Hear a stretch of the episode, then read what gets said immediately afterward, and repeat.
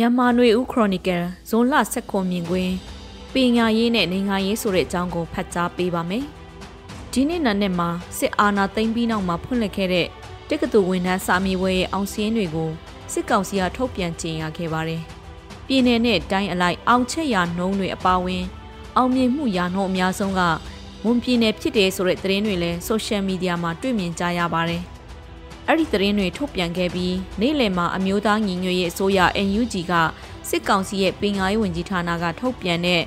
တက္ကသိုလ်ဝန်ထမ်းအောင်စင်းတွေကိုအတိအမှတ်မပြုကြောင်းအတိပေးထုတ်ပြန်ချက်ထုတ်ပြန်ခဲ့ပါတယ်။ထုတ်ပြန်ချက်မှာစစ်ကောင်စီပင်ငါရေးဝန်ကြီးဌာနကထုတ်ပေးတဲ့အတန်းတင်လက်မှတ်တွေတင်ယူပြီးမြောက်ကြောင်းလက်မှတ်တွေကိုအတိအမှတ်မပြုကြောင်းထပ်မံအတိပေးထုတ်ပြန်လိုက်တယ်လို့ဆိုထားပါတယ်။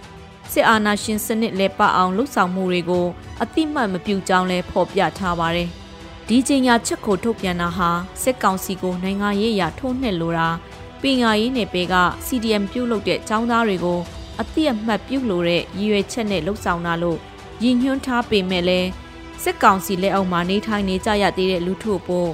ဘယ်လိုနားလည်ရမလဲဆိုတဲ့အနေအထားမျိုးကိုရောက်စေပါတယ်။ UNG ရဲ့ထုတ်ပြန်ချက်ဟာစစ်ကောင်စီအုပ်ချုပ်နေတဲ့နယ်မြေတွေမှာ ပညာသင်ကြားနေကြတဲ့သူတွေကိုရှုပ်ထွေးမှုတွေဖြစ်ပေါ်စေပါတယ်။ပညာရေးစနစ်ကဖက်ဒရယ်ပညာရေးစနစ်မဟုတ်တာကြောင့်လို့အခုလိုသိမှတ်မပြုတ်တာလို့စောဒကတက်နိုင်ကောင်းတက်နိုင်ပေမဲ့လည်း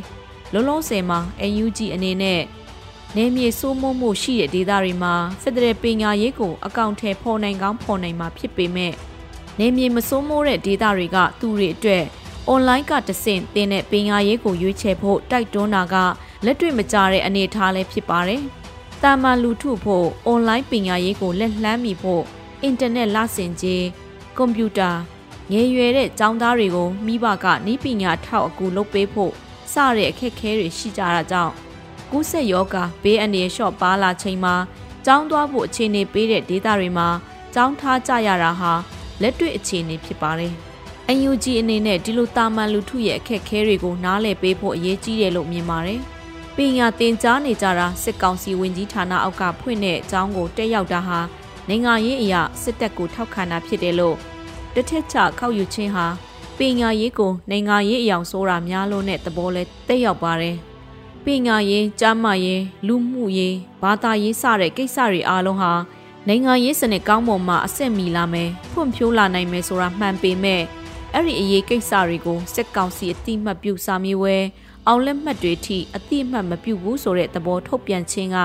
စီးယုံရေးအရာကြဆင်းစေနိုင်တာကိုအလေးအနက်စဉ်းစားသုံးသပ်တင်ကြောင်းထောက်ပြလိုပါတယ်။ဒီနေ့တနေ့လုံးဆိုရှယ်မီဒီယာမှာအခုလိုအတိမတ်ပြုတ်ခြင်းမပြုတ်ခြင်းနဲ့ပတ်သက်ပြီးအငင်းအခုံအပြန်လှန်ရေးသားနေကြတဲ့ post တွေအများပြားတွေ့နေရပါတယ်။နိုင်ငံရေးရည်တည်ချက်ဆိုင်ရာကိစ္စမဟုတ်တဲ့အကြောင်းသားလူငယ်တွေရဲ့ပညာရေးလိုကိစ္စမျိုးနဲ့အမြင်ကွဲလွဲခြင်းဟာ